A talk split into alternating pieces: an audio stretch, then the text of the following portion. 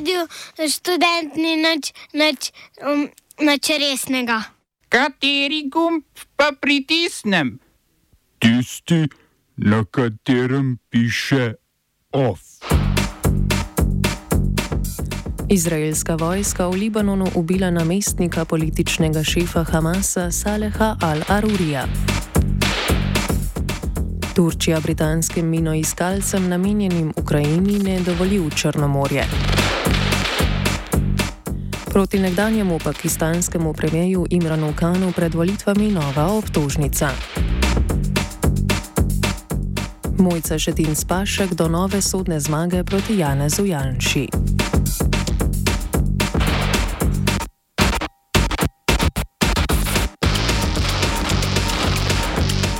Izraelska vojska je v napadu z droni v libanonski prestolnici Bejrut ubila sedem pripadnikov Hamasa, med njimi Saleha al-Arurija, namestnika, namestnika političnega šefa Hamasa. V napadu na pisarno Hamasa je izraelska vojska ubila še vsaj dva vojaška poveljnika. Aruri je pomagal vzpostaviti Hamasovo oboroženo krilo na okupiranem Zahodnem bregu, od 90-ih let je bil vsaj 15 let v izraelskem administrativnem priporu. Na to je živel v izgnanstvu najprej v Siriji in Turčiji, na zadnje pa v Libanonu, kjer deluje gibanje Hezbollah, ki se z izraelsko vojsko po 7. oktobru obstreljuje v bližini južne meje. Palestinci so na ulicah Ramale na Zahodnem bregu protestirali proti umoru Al-Arurija. Za današnji dan so napovedali tudi splošno stavko. Izraelska vojska medtem nadaljuje genocidno ofenzivo v Gazi, v kateri je zadnje dni osredotočena na južno mesto Han Yunis.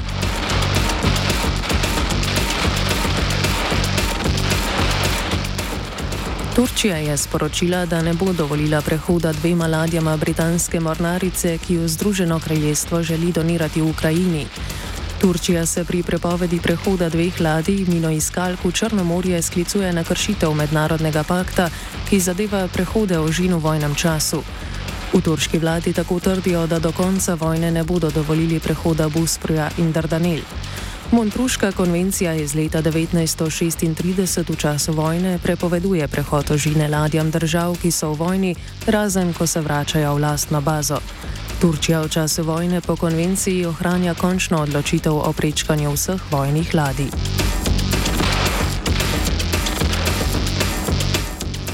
Srpska volilna komisija je po ponovitvi glasovanja na manjših voliščih objavila končne izide decembrskih parlamentarnih volitev.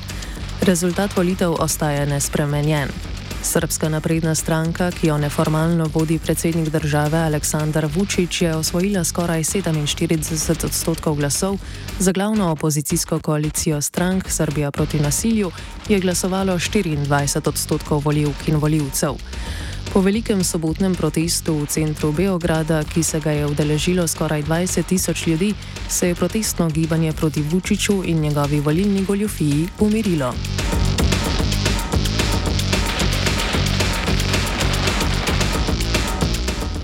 Hrvaška družba za avtoceste, znana kot HAC, je objavila razpis za pripravo dokumentacije za drugi most na otok Krk.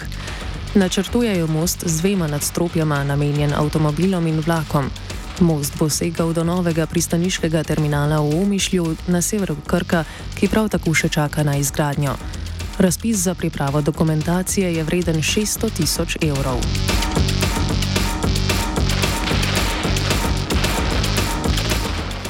Nekdanji pakistanski premijer Imran Khan je v zaporu na pleča dobil novo obtožnico. Tokrat ga oblasti obtožujejo nespoštovanja državne volilne komisije. Khan od avgusta prestaja triletno zaporno kazen za nelegalno prodajo državnih daril v času vodenja države. Khanu je pakistanska volilna komisija onemogočila tudi kandidaturo na prihajajočih februarskih parlamentarnih volitvah, a jo je vseeno vložil. Ko je Khan bil premijer, so nezadovoljstvo nad njegovo vladavino izražali tudi diplomati v Združenih državah Amerike.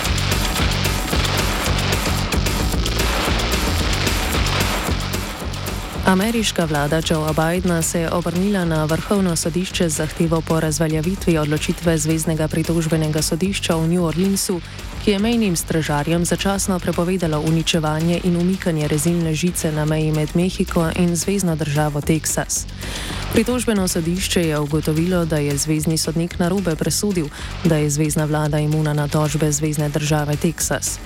Bidenovi na drugi strani trdijo, da bi sprejetje take interpretacije zvezdno vlado pustilo v milosti in nemilosti posameznih zvezdnih držav pri implementaciji zvezdne imigracijske politike. Gre za spor zvezdne vlade z republikanskim guvernerjem Teksasa Gregom Abutom, ki je na lasno roko dal postaviti rezilno žico na mejno reko Rio Grande.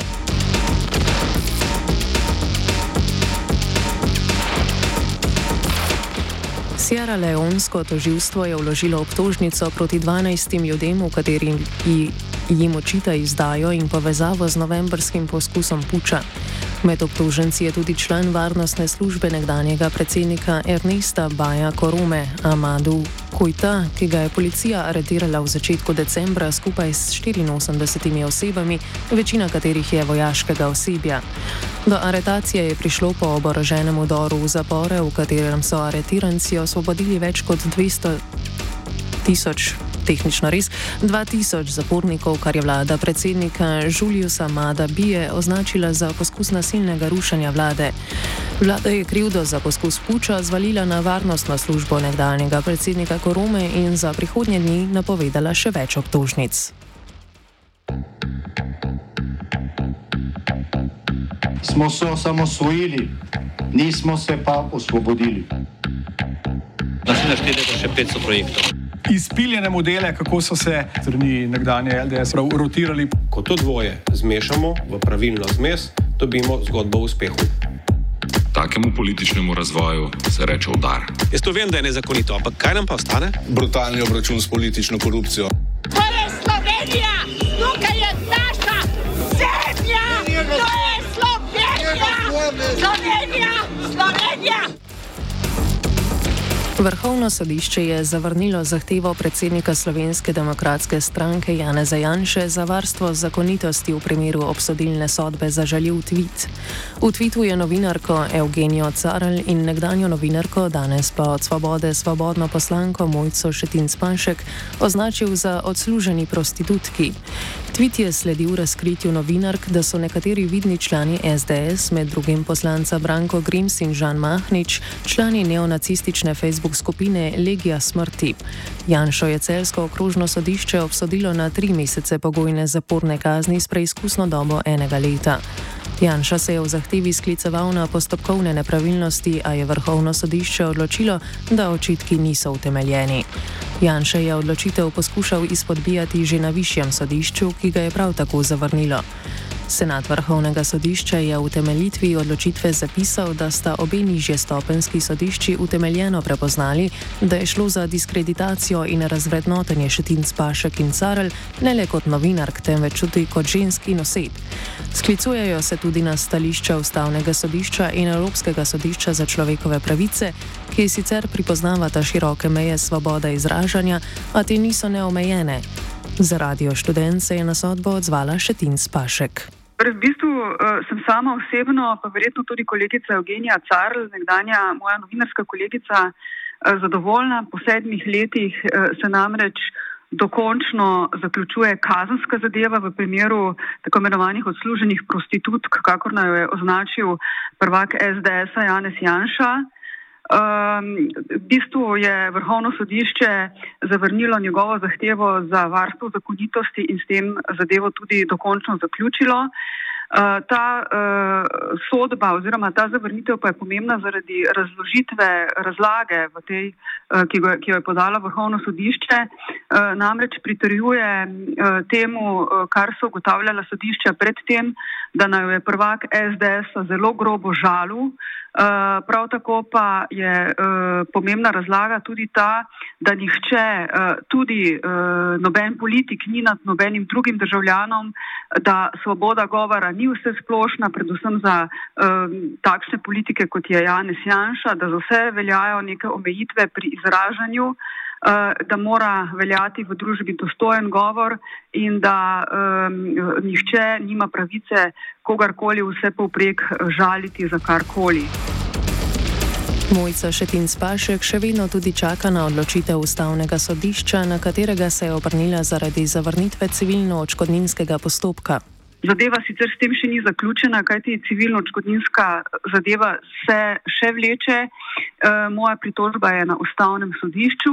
Uh, ker je takrat nek drug senat vrhovnega sodišča, v katerem so sedeli trije vrhovni sodniki in sicer Jan Zobec, Rudi Štraus, uh, Tomaš Pavčnik, razsodili, da ima uh, politik Janez Janša tako široke um, razsvetljenske možnosti svobode govora, da lahko žali vse v povprek. To pa se meni ne zdi prav in zato sem se seveda pritožila. OF je pripravil Blaž. Mati, skodelico kave mi prinesite. Ivan, a boš nese boš turško? Mati, skodelico kave mi prinesite. Ivan, a jo boš s cukrom ali jo boš z natrenom? Mati, žebel in kladivo mi prinesite. Kaj ti bo, Ivan, žebel in kladivo? V glavo si ga zabije mati.